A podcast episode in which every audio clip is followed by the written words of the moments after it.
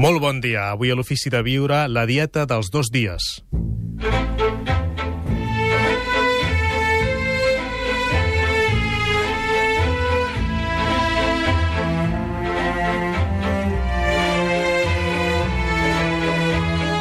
Gaspar Hernández, l'Ofici de Viure.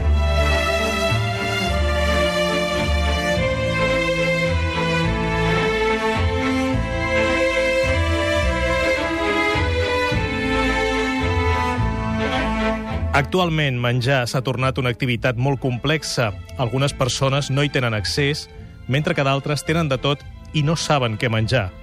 La vida moderna ha confós l'instint.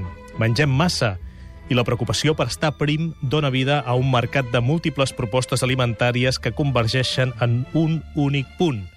Prometen salut i que perdrem pes sense gaire esforç.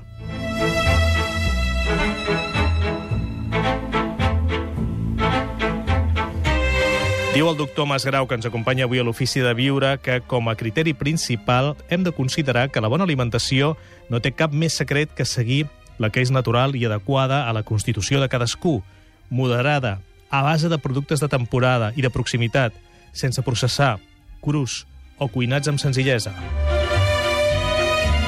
Quan l'organisme està molt descompensat, de vegades és imprescindible fer un canvi dràstic, tot i que en general, per qui únicament vol perdre pes o fer una depuració, el que és realment pràctic és una transició suau cap a una bona alimentació. Diu el doctor Masgrau que, a part del que es menja i com es menja, el ritme alimentari també té un paper important a la nutrició. En el nostre passat com a espècie s'han succeït períodes d'abundància, amb altres de gran eh, mancança, de sequeres, de guerres, de plagues, i en els mateixos cicles estacionals també els moments d'abundància s'alternaven amb els d'escassedat. Alimentar-se 3, 4, fins a 5 vegades al dia és un avenç de la civilització, i així hauria de ser si no fos perquè s'ha caigut en l'extrem contrari, diu el doctor Masgrau, donar més aliment al cos del que pot assimilar i eliminar. Segons el doctor, una alternativa natural és la dieta intermitent, que consisteix a menjar de manera habitual 5 o 6 dies a la setmana i durant el parell de dies restants seleccionar amb cura el que es menja i amb una certa planificació. És una manera també de recuperar la sensació de gana i d'aquesta manera també el vertader plaer de menjar, com a satisfacció d'una necessitat vital, que és essencial per una bona salut. Avui a l'Ofici de Viure, la dieta dels dos dies. Mahatma Gandhi. Tot allò que es menja sense necessitat es roba l'estómac dels pobres.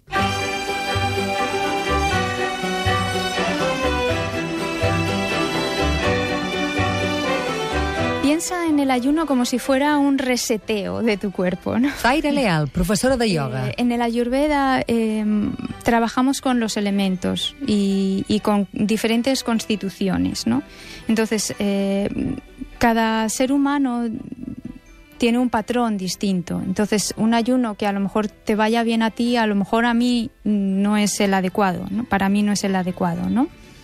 En general, en Ayurveda se propone que lo óptimo sería que hiciéramos un tratamiento de purificación dos veces al año, en el otoño y en la primavera. En esa purificación no solo hay ayuno, sino es un tratamiento más complejo. Hay eh, masaje y meditación y muchas cosas, ¿no? Eh, pero una cosa que sí podemos hacer en nuestra vida diaria es un día a la semana hacer una forma de ayuno. Eh, puede ser un ayuno a base de líquidos, un ayuno a base de zumos, de verduras y, frutas crudos, eh, o a lo mejor un ayuno a base de kichari, que es un, alimento ayurvédico de arroz y una judía especial. El ayuno eh, hace que tu cuerpo como que se resetee porque eh, estamos constantemente metiéndole mucho alimento y muchas veces no es el alimento mejor, ¿no? Eh, en nuestro sistema digestivo funciona de acuerdo a Agni. Agni es el fuego digestivo que nos ayuda a metabolizar todo lo que ingerimos, ¿no? Entonces, eh, para equilibrar y para fortalecer Agni o el fuego digestivo, eh, es bueno dejar que el cuerpo descanse.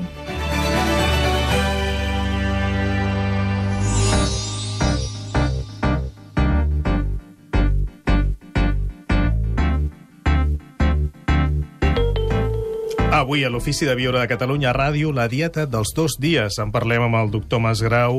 Doctor Miquel Masgrau, molt bon dia. Bon dia. Benvingut, ben retrobat. Bon dia. En Parlem també amb Ajanta Suri, que és originària de l'Índia, que fa 28 anys que viu a Catalunya, que és professora de ioga, coneixedora de la medicina iorvèdica, directora de la revista Yoga World. Què tal, uh, Ajanta Suri? Molt bon dia, benvinguda. Bon dia, gràcies. a yogaworld.es a internet, yogaworld.es, la nostra convidada ja ha penjat un article sobre el tema d'avui. Els oients que estiguin interessats poden aprofundir en el seu parer sobre aquesta dieta dels dos dies. Ens acompanya també l'Àngels Campà, dels Amics de l'Ofici de Viure. Què tal, Àngels? Bon Molt bon dia. dia. Amb el gran èxit que va suposar el primer congrés dels Amics de l'Ofici de Viure, aquests, aquests dies que un servidor té l'oportunitat de voltar per tot el país, es troba amb molta gent, em trobo, tinc el goig de trobar-me amb molts oients eh, que em diuen que estan contentíssims, que va anar molt Sí. bé, que hi havia una, una energia molt maca. Estem molt, molt contents. Vam ser 375, i ara ja hem penjat tots els, eh, totes les taules rodones, les conferències ja estan posades en el nostre canal de YouTube, és a dir que tots els oients poden anar a l'ofici... Al... Al mur del Facebook de l'Ofici de Viure ho trobaran tot. Eh? Sí, sí, Dels sí. Amics de l'Ofici de Viure. Sí, i directament posant a YouTube, buscar Amics de l'Ofici de Viure, trobaran tot directament bé. també. L'Àngels eh, va fer fa poc un dejuni, que va sí, anar bé. eh? Sí, sí, va anar molt bé, va anar molt bé. Vaig rebaixar uns quants quilos, també, vaig netejar el cos, i aviat en farem algun altre. Quants dies? Uh, vaig fer 11 dies. 11 dies. déu 11 nhi 11 dies que els va anar va haver penjant. aigua, només. No, no, no, Sucs, amb, els, no? amb els sucs i el sirope i així. I ho va anar penjant al, al seu mur del Facebook, i jo veia que anaves penjant cada dia, no? Ah. Però graves, I això va ser un repte que també et va ajudar a tirar endavant Sí. el fet de comunicar-ho. Sí, sí, sí, vaig trobar que era una manera de poder... De comprometre't i tirar-ho sí, endavant. Clar. Sí, una manera de que tothom, doncs, per, jo per mi mateixa, eh, però va arribar un moment que vaig deixar de penjar-ho perquè sempre deia el mateix. Tot va bé. Tot va bé. No és notícia. no hi ha No- no canvis, és que deixa de ser bé, és que notícia. va molt millor. És que va molt bé. És que et trobes molt més bé. Molt Aleshores, bé. sobre la dieta dels dos dies, recordem que ha sortit en català i castellà un llibre publicat eh, que es diu La dieta dels dos dies, que és un llibre que és la traducció d'un llibre que va causar furor als Estats Units, que continua sent entre els més venuts, de Michael Mosley i Mimi Spencer, i que és una dieta que s'ha posat de moda ara als Estats Units, que no sé si és una dieta, i ara ho pregunto al doctor Masgrau, o és un dejuni de dos dies. És a dir, eh, es- menges durant cinc dies tot el que et dóna la gana i durant dos dies no menges res? És això? Bé, jo aquest llibre no l'he llegit. No, és més, no, no, no he sabut fins ara que existia. Però és una cosa que és un, és un sistema que, és, que funciona bastant bé, que he aconsellat a vegades per fer una transició del, del menjar malament a menjar una mica millor, diguem, no?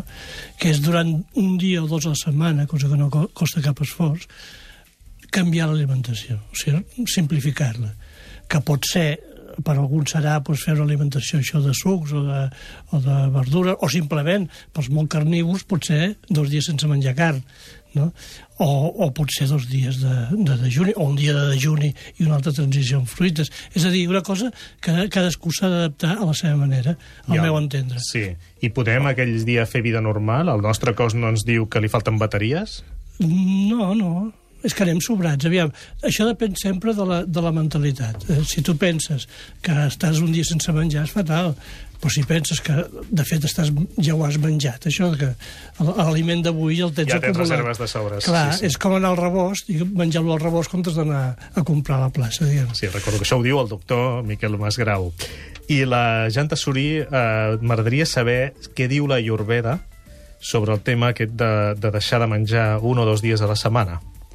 Um, siempre es muy beneficioso porque um, uh, descansa el sistema um, digestivo.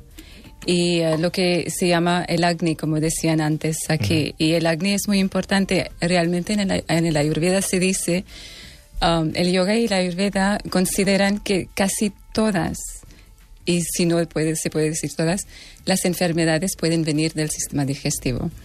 De, uh, hay, uh, si esto va bien, lo que es la digestión, la asimilación y la eliminación, hay pocas probabilidades de enfermar si no sea por, un, por causas externas. ¿no? Um, entonces es realmente imprescindible cuidar la alimentación, es imprescindible descansar también. Per, tant, vostè veu bé descansar durant dos dies?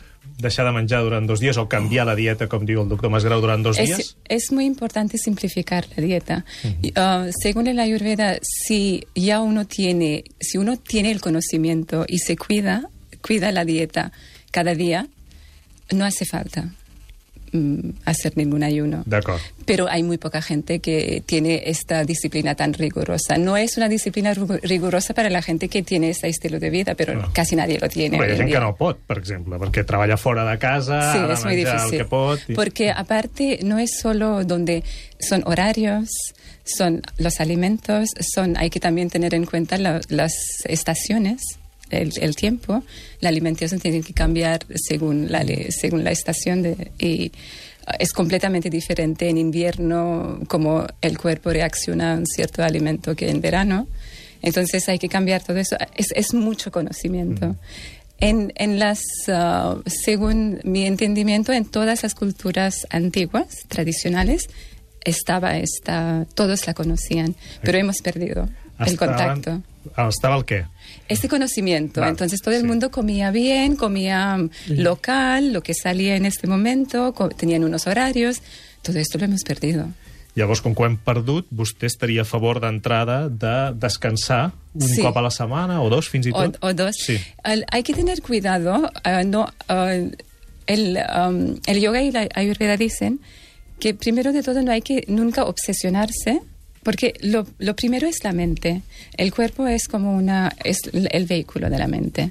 Entonces todo va hacia la mente. Entonces si hacemos alguna cosa que luego obsesionamos, porque ah, voy a hacer dos, dos días, pero luego so- solo pienso en comer y me pongo mala, uh, mentalmente angustiada, no es una buena práctica. Entonces hay que, como decía Miguel, hay que buscar cosas sim- simples que si uno es carnívoro, dejar de- eh, la carne, si, um, si uno come mucho, por ejemplo, ah, productos lácteos, dejar los produ- productos lácteos, cosas así. Hay que, hay que buscar algo que, se, que nos haga feliz. La felicidad es muy importante en, la, en las um, filosofías orientales.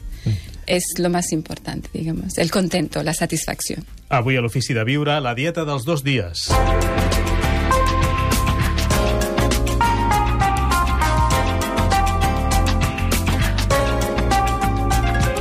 Miquel Masgrau. La dieta intermitent és un camí cap a l'alimentació natural.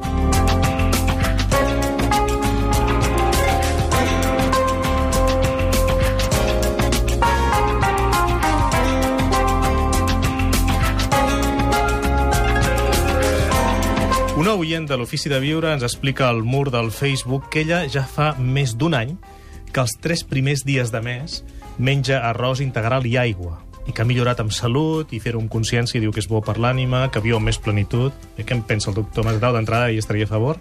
Bé, és, és que aviam, el que la naturalesa humana, l'home s'ha format al llarg dels, dels mil·lennis, no? Des, fa 200.000 anys diu que existeix l'homo sapiens, no?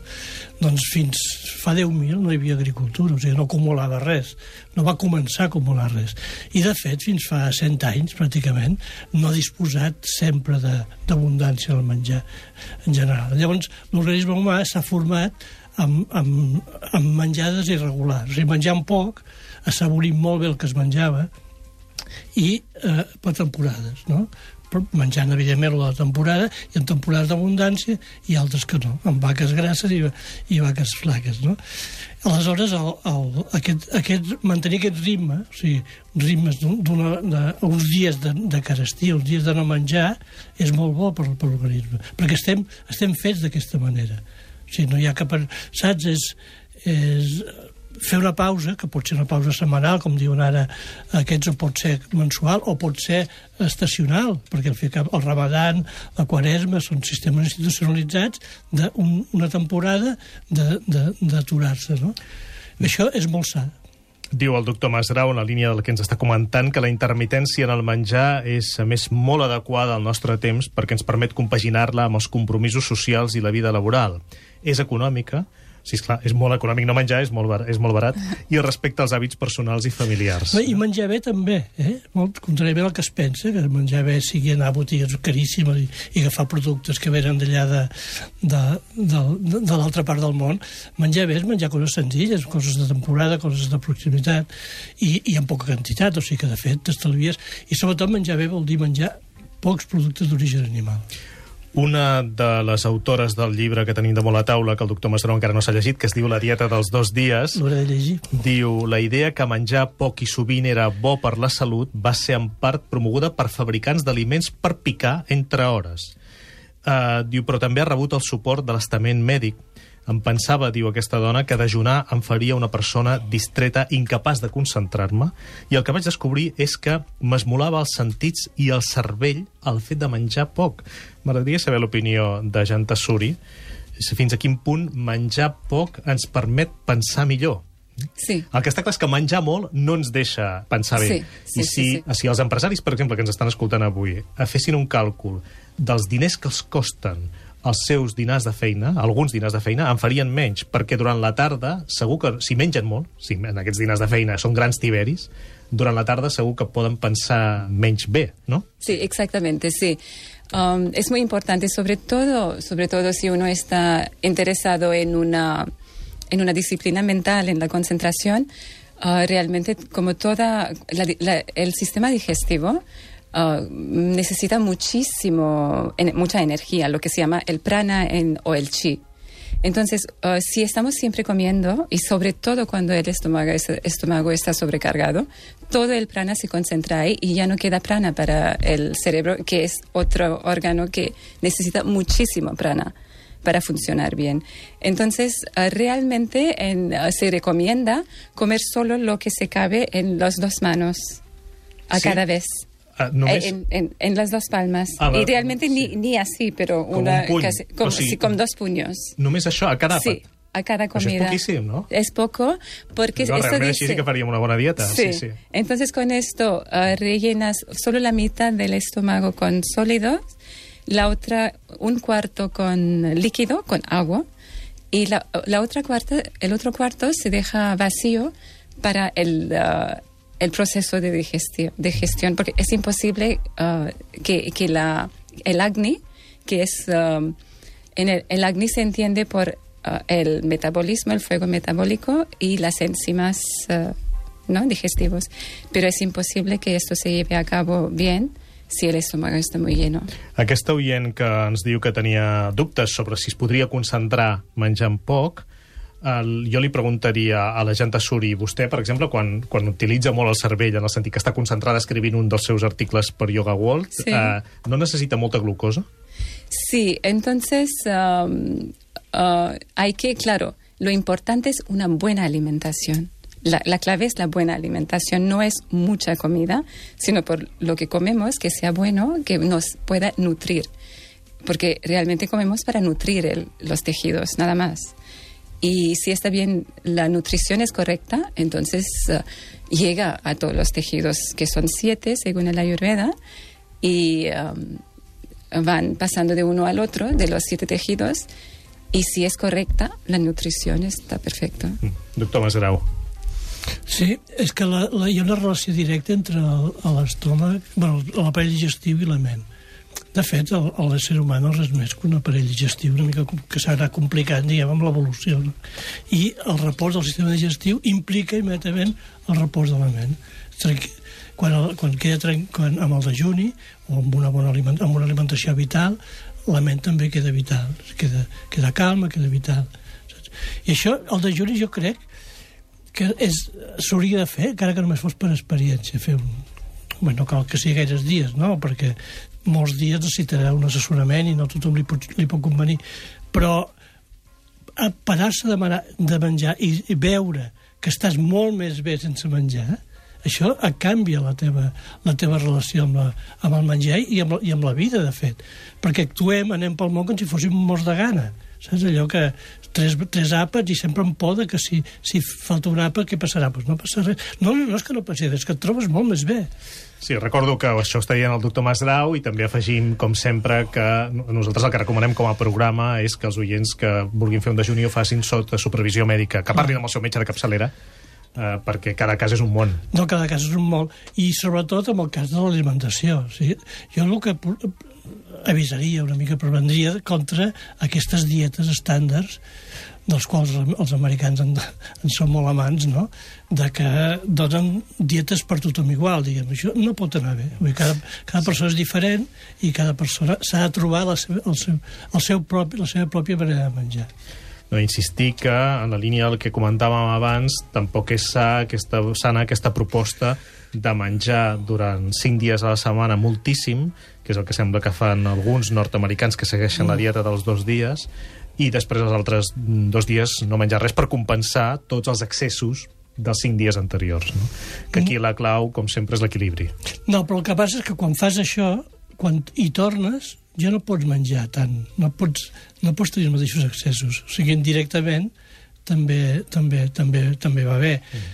Però, però vaja, el, el que realment compta és ser capaç tu de, de fer-te tu mateix la pròpia dieta. O sigui, hi havia una cosa aquí, ja això no només ve de la Índia i de Xina, llocs estranys, eh, ni d'Amèrica. O sigui, aquí el catecisme ens explicava que les, les facultats de l'ànima eren tres enteniment, memòria i voluntat. I, I aquí, a Occident, avui dia, sembla que tot ho hem de fer a voluntat a força de voluntat, allà picant pedra. I els hàbits, realment, eh, per canviar-los, només hi ha una manera fàcil de fer-ho, eh, que és el manteniment. Llavors, un cop ho entens, la voluntat ja, ja, ja va tota sola, diguem. No? Sí, eh, vostè, a Janta Suri, en la seva pràctica amb els alumnes de ioga, eh, veu que ens costa molt aquí eh, canviar els hàbits, adquirir nous hàbits?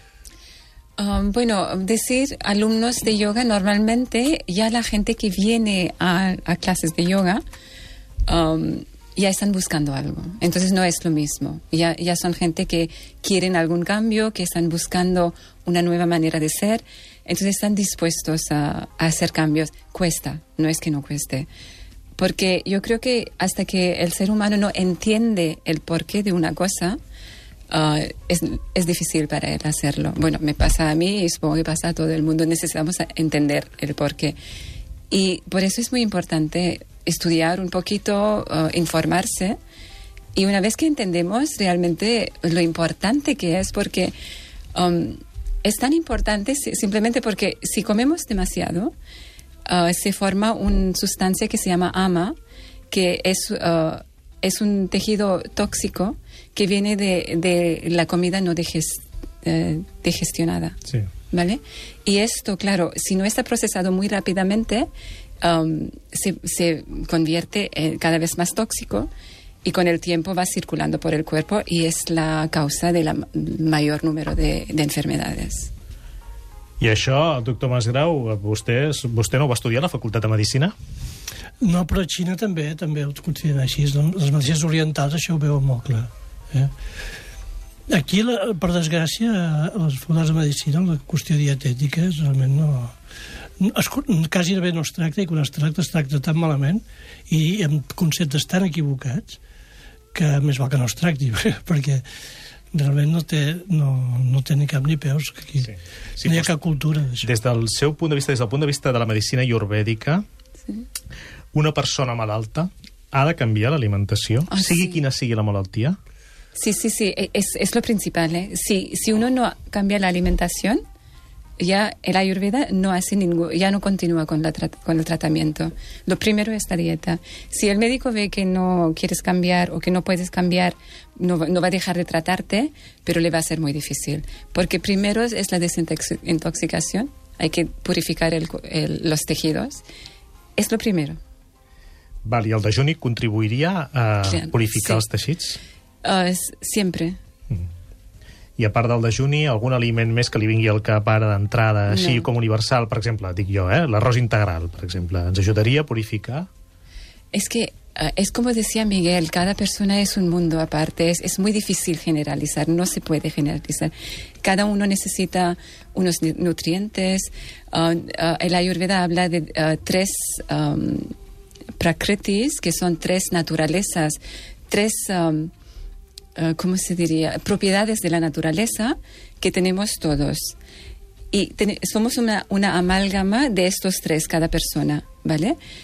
Y um, esto se tiene que cuidar mucho. Em, nacemos con una naturaleza que nos hace uh, saludables, pero con el tiempo de la manera de vivir, alimentarnos primero, pensar nuestras acciones, bueno, todo lo que nos rodea, ya no uh, ya perdemos esta esta armonía con la que hemos nacido. Entonces el, el médico ayurvédico intenta uh, traerte de vuelta a, a lo que a esto, lo que es tu naturaleza. Avui a l'Ofici de Viure, la dieta dels dos dies. Hipòcrates, que la teva medicina sigui l'aliment i l'aliment la teva medicina. No, que és molt interessant el que explica la Janta, perquè, i eh, això és una cosa molt característica nostra d'Occident, que hem perdut confiança amb, amb, la nostra, amb el nostre propi instint. No? Creguem que no, cre, no creguem amb la, amb la nostra pròpia natura, no? I aleshores això ens fa anar completament despistats. I moltes vegades els experts el que fan és desorientar-nos més. No? Hi ha coses que els experts poden suposar, sobretot pel que fa a l'alimentació, però que cadascú s'ho sap. No? I una de les coses que, que jo crec que és molt important és no, no fer cap cas de les dietes aquestes rígides i estàndard, sinó que buscar cadascú, cadascú s'ha de buscar el seu propi camí i la seva pròpia, la seva pròpia dieta. El doctor Masgrau és molt crític amb els règims, que en diu vostè. Sí, sí, sobretot quan són estàndards. Eh? Per això aquesta dieta que de, de, dels dos dies és molt pràctica. Jo crec que s'ha de respectar molt sempre el punt de partida. Que també penso que és, és que s'ha d'actuar sobretot a nivell del pensament. O sigui, no es tracta de convertir ningú al vegetarianisme o, o algun tipus d'alimentació. Tots aquests règims estan forçats, perquè llavors el que fan és quan s'acaba de fer el règim, tornes a menjar malament i tornes a, a, a, a la situació d'abans. És molt millor una, una transició suau, progressiva, respectar el punt de partida i aleshores, a poc a poc, anar anar cap a una alimentació més sana. I en aquest sentit, la dieta aquesta de, del cap de setmana o, de, o tres dies al mes o de, és molt pràctica perquè es, es, es combina molt bé amb la, amb la vida moderna, diguem. Tothom pot triar un dia a la setmana i doncs dir el dimarts només faré sucs i el dimecres una altra cosa. O un dimarts faré de juny. Saps? Cadascú s'ha de buscar el que realment li agrada, que no serà el mateix a l'hivern que a l'estiu, clar, cada cosa s'ha de buscar. El doctor Masgrau en diu la dieta intermitent i diu que una bona opció per la primavera seria, relacionada amb els nostres orígens, menjar un o dos dies aliments crus. Ja en vam parlar a l'ofici de viure dels aliments crus. Pot ser esmorzar fruita, o dinar i sopar, diu vostè, una bona amanida. Si entre mitges té gana, la fruita és el recurs ideal. De fruita, diu vostè, se'n pot menjar tanta com es vulgui. Ja val a dir que també hi ha, que, que hi ha metges i dietistes que no ho diuen, això, no? Perquè aquí sempre entrem en, en moltes contradiccions. Els consumidors sentim molts missatges, no? Algú que ens diu, no, la fruita és bona, i d'altre diu, tanta fruita no és bona, no? I aquí hi ha moltes escoles. No, la fruita és bona, el que passa és que hi ha gent que li convé més que d'altra. Llavors hi ha persones que són naturalesa molt freda, per exemple, doncs hauran de menjar molt més all, ceba, eh, gengibre, coses, cols, pastanagues, carbasses, saps? Aliments més, més, més de naturalesa més calenta. I les persones més caloroses i a l'estiu doncs s'haurà de menjar més coses de naturalesa freda, Sempre com les compensar. amanides. Pensar, Exacte. hem de pensar en compensar. Sí, depèn de la naturalesa cadascú. Eh? Sí, està d'acord? Sí, estoy eh, de acuerdo. Y lo que también Miguel dijo al principio, es muy importante de no perder, hemos perdido la conexión con nosotros mismos. Sí. No somos ya sensibles a nuestro propio cuerpo. Estamos siempre pensando en lo que nos van a decir, información queremos. Pero realmente, eh, muy importante en el yoga ayurveda es eh, volver a escucharse a sí mismo, porque el cuerpo es sabio, el cuerpo te lo dice. Además, eh, um, hay como un ciclo que se llama un mandala de unos 40 días de- del cuerpo, que el cuerpo se dice que se, se cambia, así como un cambio cada 40 días, y durante esos 40 días habrán por lo menos de 3 a 5 días que no tenemos ganas de comer De naturalmente. 3 a 5 dies. Pero intermitentes, ¿eh? Ah, no va. juntos. De acuerdo. ¿eh? Eh, Digo, eh, entre los 40 Va, días. de acuerdo. Que tenemos ganas de o no comer o comer muy poco, pero no nos escuchamos porque nos dicen que no puedes. ¿Cómo vas a poder ir a trabajar porque si no comes? ¿Cómo vas a hacer esto? Pero realmente si escuchamos y no comemos esos días, sería muy beneficioso. Ho detecta en el seu cos Sí, Sí. sí. Hay días que No te gana. sí, que no tienes ganas i no menja. y no comes o comes muy poco, porque claro, um, nada es tan rígido, ¿no? Porque no puedes decir si yo tengo que hacer mucho trabajo, pues quizá necesito algún alimento. O puede que no, porque los animales lo sienten. Si para la gente que tiene animales, ¿verdad? Que eh, un perro o un gato un día no come y, y simplemente no, no, no le, y no le pasa nada.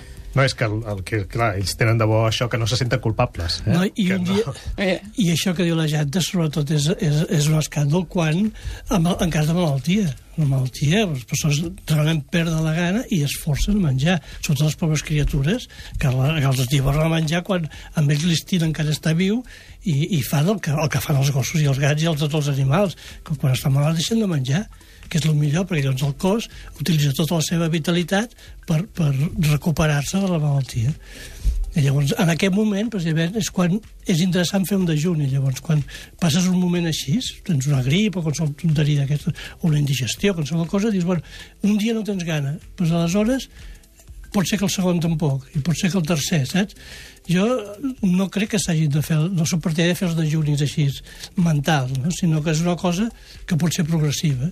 Dius, un dia perds la gana per lo que sigui, et trobes bé, i dius, escolta, vaig a fer un dia, dos, tres, depèn de, del context, també, clar. És el que permet i les possibilitats. Jo el que havia sentit a Janta era que la Ayurveda recomanava no menjar un cop, al, un cop a la setmana. És a dir, un, Una vez. un dia a la setmana, Sí. exacte. Ah, Para descansar. Sí, sí, está muy bien. eh, no, no comer una vez a la semana o depende de cómo. Realmente el, ah, el no comer es, ah, se considera en la Ayurveda como algo un poco um, eh, difícil, ¿verdad? No es fácil para todo el mundo. Claro, y ya. como hemos dicho, es muy importante no obsesionarse y nuestra sociedad está muy obsesionada porque la mente va hacia lo que nos lo pro- prohibimos y entonces sí, realmente no hay ni- ningún beneficio si todo el día estamos hablando, pensando en la comida. Pero ah, esto, como dice Miguel, hacer un día de zumos, un día de frutas, o um, es, es compensar, pero es muy importante, sí. Diu el doctor Masgrau, efectivament, que les opcions de la dieta intermitent, que en el fons és del que estem parlant avui a l'Ofici de Viure, són infinites. Que hi ha qui planteja intermitències diàries, deixant repòs al sistema digestiu durant 16 hores, per exemple, nit inclosa, i llavors, en aquest cas, el més pràctic i beneficiós per l'organisme seria suprimir el sopar, tal com ja vam explicar en el programa de l'Ofici de Viure, que podeu recuperar a 10 els sopars. I, de fet, diu el doctor que menjar massa als vespres és un hàbit insà que caldria eliminar en qualsevol cas, diu vostè. Mm. Adéu als sopars, De fet, es deia de fet hem parlat moltes vegades de, de, de menjars i, hem, i ens hem quedat curts perquè hi ha moltes, moltes opcions respecte al, al, al, al projecte de menjar. El que és important per això és que cadascú agafi el que realment amb ell noti que li va bé. O sigui, que, que, que desperti aquesta saviesa interior. No? Per això un dejuni, un, un temps de menjar bé, eh, neteja el cos i aleshores ja pots consultar-te tu mateix el que, el que convé. Perquè un expert et pot dir el que ell li sembla que tu et va bé, però tu ho saps, o sigui, el teu cos ho sap. I acabes que estem tan acostumats a buscar fora el que tenim a dintre, no? que precisament aquest, aquest el, el tenim a la ment tenim una mena de, de, de soroll, una, una mena de confusió mental, de tantes coses que tenim que, que no, no ens orientem. Llavors, amb el dejuni, de fet, el dejuni és com la meditació, és que no, no hi ha massa diferència. És una, I, de fet, una cosa acompanya l'altra. O sigui, quan, quan dejunes, que el, el, el cap es va quedant tan clar com quan medites. El tema és que venim de- d'uns avantpassats que van passar gana, molts d'ells. I, I es va passar gana. El problema és que som uns reaccionaris. I llavors fem el contrari del d'abans. Sempre. L'abans estava malament i ara pues, el bo és fer el contrari. Pues no. El bo és trobar el punt, el punt d'equilibri sempre. I què en pensa a Janta dels sopars? Mm? Creu que també, com el doctor Masgrau, els sopars, les cenes, que tendríamos que cenar Ah. poco? Oh, esto es eh, genial. muy importante. Realmente un ayuno natural, según el Ayurveda, sería dejar de comer, es, eh, cenar a las seis, un- una cena muy ligera, no comer nada más después y no, um, no eh, desayunar a- antes de las siete. Unos 12 o 14 horas, si cada noche estamos, uh, si es posible, estar sin comer, pero durante el día también comer de manera sabia, uh, es va muy bien para, la, para el o sigui, sistema. que el nostre sistema Sí. descansi 12-14 hores. Sí, Clar, ja en sí. dormim de mitjana Sí. 7 o 8 Sí. i, per tant, és... Diu vostè sopar a les 6. sopar a les 6. Sí. Això a Aquí Catalunya difícil. és difícil Sí. i a, i a l'estat espanyol encara és més difícil. Eh? Sí. Sobretot, m'imagino ara que cap al sud d'Espanya això de sopar a les So- 6... sobre taula. A les 6, exacte, estan fent les postres. Deu ser un berenar. un berenar, no? Clar, seria un berenar, no? Sí. sí, pero yo creo que eh, dentro de todo, um, el otro día justamente estábamos hablando de esto porque en España se come muy tarde, la gente disfruta mucho de la cena, comen muy tarde, pero España es uno de, la- de los países que tiene mejor salud que otras, se dice, ¿no? En las, es- entonces, supongo que un poquito, eh, como la dieta mediterránea parece que es muy buena, deu compensar, no? eh, puede compensar. Um, ahora las cosas están cambiando porque estamos yendo un poco al americanismo, mucho alcohol, uh, muchos, muchas comidas procesadas, es, uh, se están dejando de comer uh, cosas naturales de la tierra, de la temporada, locales. Entonces de ahí vienen los problemas.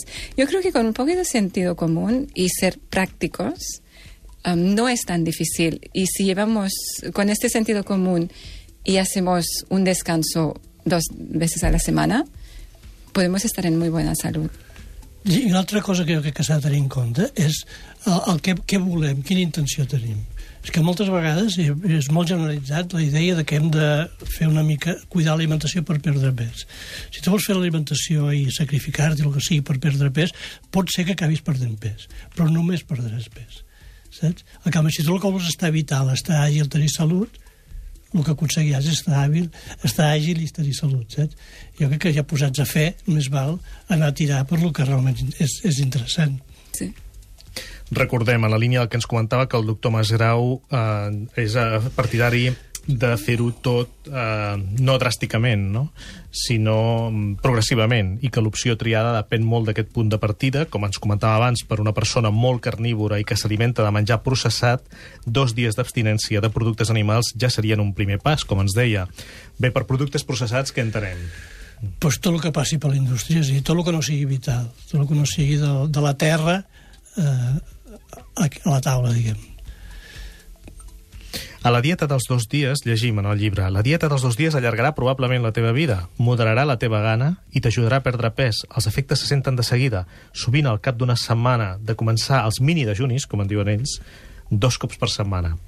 Això d'allargar la vida, també també està d'acord? Sí, sí, está, está además, uh, aparte de que la tradición lo dice, yoga y Ayur- ayurveda lo dicen, que Que alarga alarga la la vida, ahora está, Està probado demostrat cien- científicament sí, que sí, les persones sí. amb més longevitat Sí. eh, no necessàriament, no són, vaja, les que mengen més, eh, Sí. en general. Sí.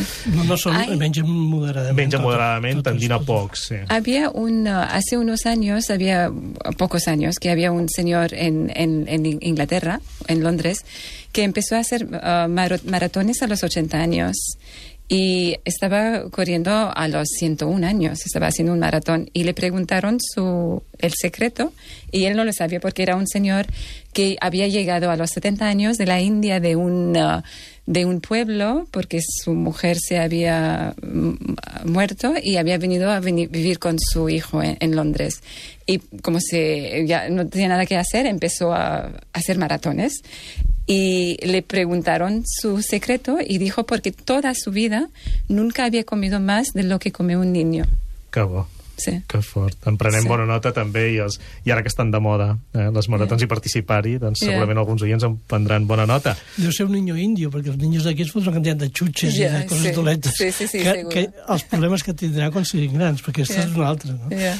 En el llibre aquest, La dieta dels dos dies, també llegim que el dejuni no només millora l'ànim i protegeix el cervell de la demència i del declivi cognitiu. Eh? També. molt important també. Sí.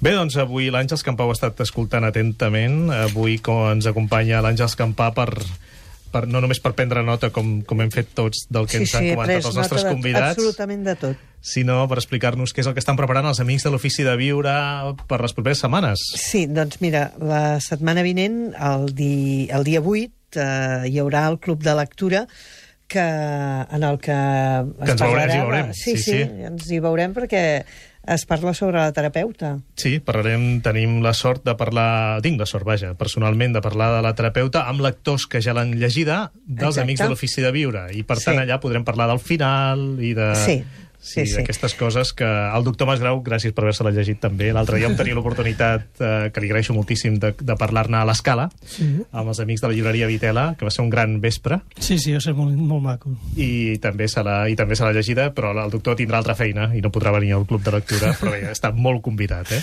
Jo, jo, jo també l'he acabat, ja. Ah, gràcies, Àngels. Això són bons amics, gràcies. Sí. Uh, el Club de Lectura és al Centre Cívic Vila Florida, aquí a Barcelona, al, a dos quarts de vuit del vespre. Després, el dia 10, tenim, eh, que és el dijous de la setmana vinent, tenim la trobada de meditació que fem a l'escola Arquiris i aquesta vegada tinc el plaer de poder-la portar jo, aquesta meditació, que serà per uh, connectar, la, fer, treballarem la connexió dels cossos físic, físic, emocional i espiritual. Llavors, el dia 12, aquesta setmana que ve ho tenim tot, tot concentrat, perquè el dia 12 tenim la 64a trobada, que la farem a Hospitalet de l'Infant, i vindrà el Lluís Riola i treballarem eh, tot el que és la respiració espontània, el Katsugen i el Yuki. Eh? I després, el 28 d'abril, tindrem la trobada de meditació a Terrassa, també, al Centre Espai Yoga, que serà guiada per l'Anna Filippo. I anuncio ja la primera cosa del mes de maig perquè no la podríem sentir, sinó perquè seria el mateix dia i és el 3 de maig farem el sopar astronòmic eh, a Vall d'Oreig per poder observar doncs, tots els planetes, la Lluna i una mica tot. Són els amics de l'Ofici de Viure de Catalunya Ràdio, l'associació sense afany de lucre que va celebrar el seu primer congrés ara fa uns dies. Els podeu trobar a Facebook i... I a la pàgina web eh, les 3 Ws, amicsdeloficideviure.net o enviar-nos un correu a info arroba amicsdeloficideviure.org. Gràcies, Àngels Campà. I els oients que vulguin més informació sobre els nostres convidats d'avui i llegir els seus articles, recordar que, com deia Majan Tassuri, a yogawall.es ha penjat un article sobre el tema d'avui, la dieta dels dos dies, i el doctor Masgrau a masgrau.net també, com sempre. Molt Moltíssimes gràcies, Miquel Masgrau. Eh, Janta, gràcies. Fins una altra. gràcies. Molt bon dia. Adéu. Días.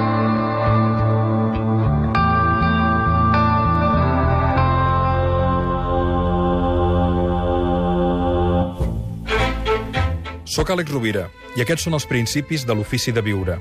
Humilitat, prosperitat, consciència i amor. Quantes més sistemes de buscar feina tinguin, més esperança i més motivació tindran. La crisi econòmica que ha tingut Espanya es va produir per un aparent creixement econòmic sense unes bases ètiques que els sostinguessin. I això ens ha passat. L'ofici de viure amb Gaspar Hernández. Un programa sobre conducta humana. Feu podcasting allà on aneu amb l'ofici de viure. Al web catradio.cat teniu tots els ofici de viure mesos a la vostra disposició per escoltar sempre que vulgueu. L'ofici de viure. Més de 6 milions de descàrregues la temporada passada. L'ofici de viure. Donar amor i, si pot ser, rebre.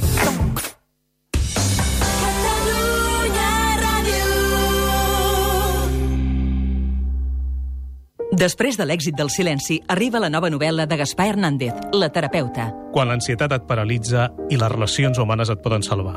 La terapeuta de Gaspar Hernández, un llibre de columna. Aprofita els 10 dies a cost de Miró. Del 31 de març al 9 d'abril, tots els nostres electrodomèstics a cost. Vine ràpid, només una compra per persona. A Miró, 10 dies a cost.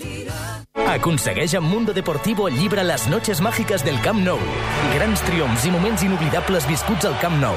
Que ara, amb aquest exclusiu llibre podràs recordar tota la vida. Les noches mágicas del Camp Nou. Un llibre imprescindible per tots els culers. A la venda al teu quiosc, dissabte 5 d'abril només amb Mundo Deportivo. Amb el patrocini de la Caixa. Després de l'èxit d'una motxilla per a l'univers, descobreix ara amb Elsa.set les claus per connectar amb els altres. El món a les teves mans. D'Elsa.set, un llibre de destino. A Càritas Diocesana de Barcelona aquest any complim 70 anys.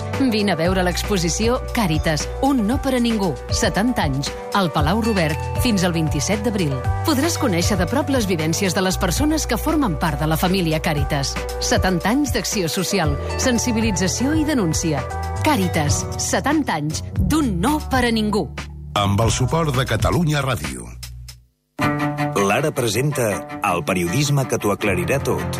Un nou format audiovisual a l'ara.cat, dirigit i presentat per Antoni Bassas. 12 minuts que t'enfocaran la realitat perquè la segueixis des de qualsevol dels teus dispositius. Ara Bassas, de dilluns a dijous a les 8 del vespre en streaming, només a l'ara.cat. Després de l'èxit del silenci, arriba la nova novel·la de Gaspar Hernández, La terapeuta. Quan l'ansietat et paralitza i les relacions humanes et poden salvar. La terapeuta de Gaspar Hernández, un llibre de columna. Aprofita els 10 dies a cost de Miró. Del 31 de març al 9 d'abril, tots els nostres electrodomèstics a cost. Vine ràpid, només una compra per persona. A Miró, 10 dies a cost. Després de l'èxit d'una motxilla per a l'univers, descobreix ara amb Elsa.set les claus per connectar amb els altres. El món a les teves mans. D'Elsa.set, un llibre de destino. Catalunya Ràdio. Avui al Corte Inglés de Cornellà, Francisco Ibáñez signarà exemplars de Mortadelo i Filemón de l'àlbum Mundial 2014 i la resta de les seves obres. Acosta't a la nostra llibreria i coneix en persona el creador de Mortadelo i Filemón. Recorda, aquesta tarda de 6 a 8, Francisco Ibáñez serà a la llibreria del Corte Inglés de Cornellà per signar-te les seves obres. Potser ho has pensat més d'una vegada. Fugar-te, escapar-te d'un dia difícil, passejar per la platja, deixar el que t'envolta i tornar a començar en un altre lloc una vida nova. Però si te'n vas, no ho facis sol. Porta'ns amb tu. I demà... Vagis on vagis, porta Catalunya Ràdio a la butxaca. Amb les nostres apps ens tens a la tauleta i al mòbil. Catalunya Ràdio, la ràdio nacional de Catalunya. Catalunya Música. Catalunya Informació. I cat.cat. Més de 300.000 descàrregues realitzades. Sempre que vulguis, serem a la punta del teu dit. Catalunya Ràdio és més. Catalunya Ràdio. El futur del Barça a les urnes. Camp Nou. Reformes a casa?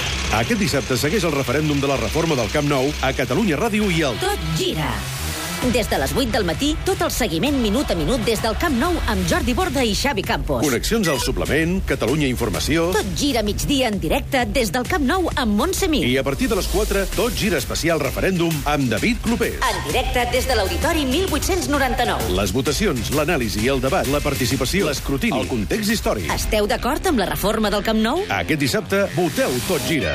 I diumenge el president del Barça analitzarà el resultat al Club de la Mitjanit. Josep Maria Bartomeu respondrà totes les preguntes de Pere Escobar. Un dissabte de tot gira sense perdre el fil de la Lliga. La TDP del Barça Betis, l'Atlètic de Madrid Villarreal i el Reial Societat Madrid. Som allà on es decideix la Lliga. Som el... Tot gira amb David Clopés. El cap de setmana és nostre.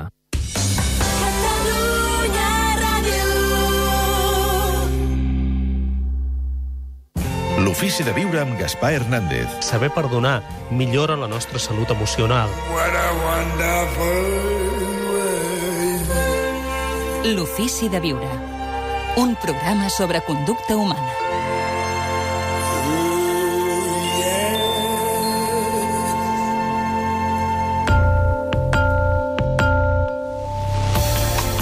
Com tenir feina, com cada dissabte amb en Raimon Samsó. Raimon, molt bon dia. Molt bon dia. Bé, avui parles dels competidors sí. i dius que els hem de respectar. I hi ha alguna més, inclús estimar, fixa't. No hi ha res més trist que et fa més petit que parlar malament de la teva competència. Quan algú parli malament de la competència, canvia de tema i parla, si vols, del temps. Però pensa una cosa, la teva competència et fa un gran favor, t'ajuda a millorar. Sense ella, tu no series millor, ni com a professional ni com a empresa. Per tant, la competència et fa un gran favor. Mira, si ets una persona que té un lloc de feina, mai parlis malament dels teus companys, perquè segurament la persona que t'escolta pensarà que el pròxim seràs tu en ser criticat. I si fores un, un candidat a un lloc de treball, tampoc parlis mai malament dels llocs on has treballat. Amb una entrevista de treball. Exacte. Clar. Mai parlis malament de, de... Dels teus caps, per exemple, perquè potser aquella persona que tens al davant serà el teu cap. Exacte, sí. perquè algun dia podries estar fent el mateix de la persona que t'escolta, no? I, si finalment, si ets una empresa, doncs no, no competeixis amb les empreses. Millor col·labora amb elles i tots guanyareu molt més. I, com et deia abans, la competència et fa millor. Doncs moltíssimes gràcies, Raimon, per aquests missatges tan contundents. Intentarem recordar-los. Fins dissabte, molt bon dia. Bon dia. L'ofici de viure amb Gaspar Hernández. Un programa sobre conducta humana.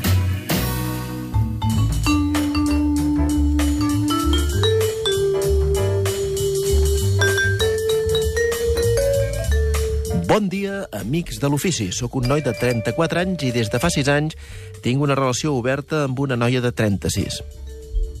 Quan dic oberta, em vinc a referir que, tot i que amb ella eh, tinc un lligam fort, tots dos no ens hem tancat mai a tenir altres relacions sexuals.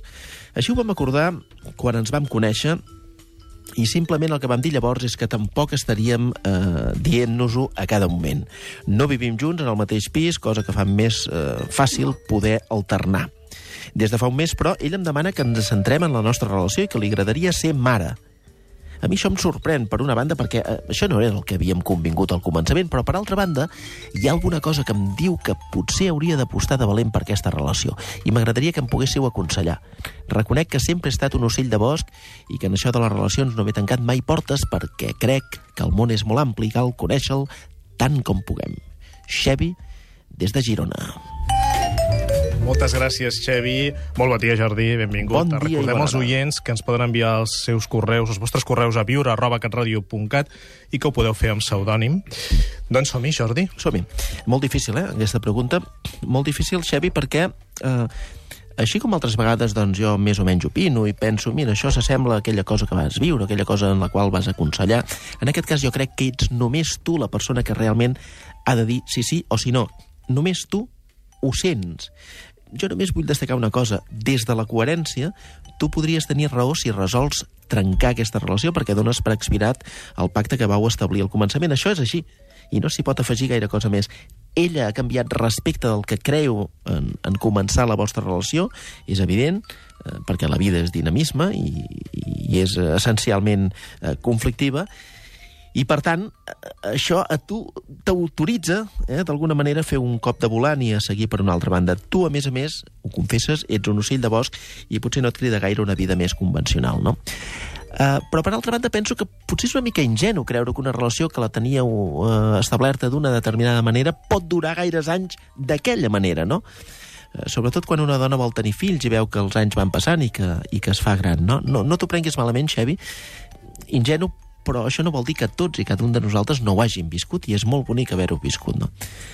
Què cal fer a partir d'ara? Com diria cínicament l'escriptor Magnus Johansson, cal triar entre la lleialtat al programa propi, la, lle la lleialtat a les nostres idees més arrelades i la infidelitat de conèixer i aprofundir persones que amenacen aquesta lleialtat. Mm, realment una mica, una mica cínic, no? Jo, jo més aviat, Xevi, t'aconsellaria que resolguessis la qüestió per la via del cap, però també per la part eh, més passional, no? Eh, et diria, t'hi veus en una relació més estable o més convencional amb, amb aquesta noia? Si sí, això implicaria canvis molt notables en la teva vida que has de valorar. I encara més, et diria, t'hi veus amb un nadó als braços? I et diria, repeteix això, un nadó als braços, un nadó als meus braços, un nadó al meu... Ué, allò que fan els nens que ploren, jo ja no me'n recordo perquè els meus són molt grans, però... i mitjanit i les. Bé, uh, això és molt fort, eh? I cal tenir-ho molt i molt present. Per tant, fes-te aquestes preguntes, eh, si cal grava't o, o fes un, un, un, una cinta d'aquestes un un CD d'aquests de plors de nen, te'l te poses moltes vegades perquè, perquè és molt important això de tenir un fill i de posar un fill a la vida. I davant d'això jo crec que ho pot resoldre amb una mica més de seguretat. Què diu la psicoanalista? Doncs que en Xevi té unes... Fa un símil, fa un símil. Diu, diu, mm, té unes quantes accions comprades en una empresa eh? i ara, d'alguna manera, doncs, li demanen que la inversió sigui única. Ara bé, destaca molt, o fins i tot diria que critica, això que dic jo del cap. Diu, no, no, en aquest cas jo crec que ha de pesar, ha de prevaldre el que li digui el, el ventre, no? Perquè algú que hagi estat mai enamorat, que hagi volgut de veritat apostar per una relació, es pregunta la Yolanda Sussin, ha estat fent abans un balanç de pros i contres? Em refereixo a algú que de veritat ho desitgés. Quants aixequen el dit? Tu aixeques el dit o no, Jo ara sóc un home eh, fred, com un caramell de gel, en tot això de l'amor. Eh, Escolta, no, no, clar, jo ja tinc tens una 46 anys, jo ja ho I- veig tot molt lluny. I no aixeques res? Um, no aixeco res. I si se m'aixeca alguna cosa, a tu no t'ho diré. Gràcies, Ni Jordi. als uh, centenars de milers d'oients i oients femenines tampoc els ho diré. Per què? Perquè ja hi ha un programa a Catalunya Ràdio que aborda les qüestions del sexe que fa na Maria del Pau Gené. I jo, davant de tot això, sóc un pobre llec i un analfabet. Gràcies, Jordi. Tu, Una abraçada als oients. Fins ben aviat. In my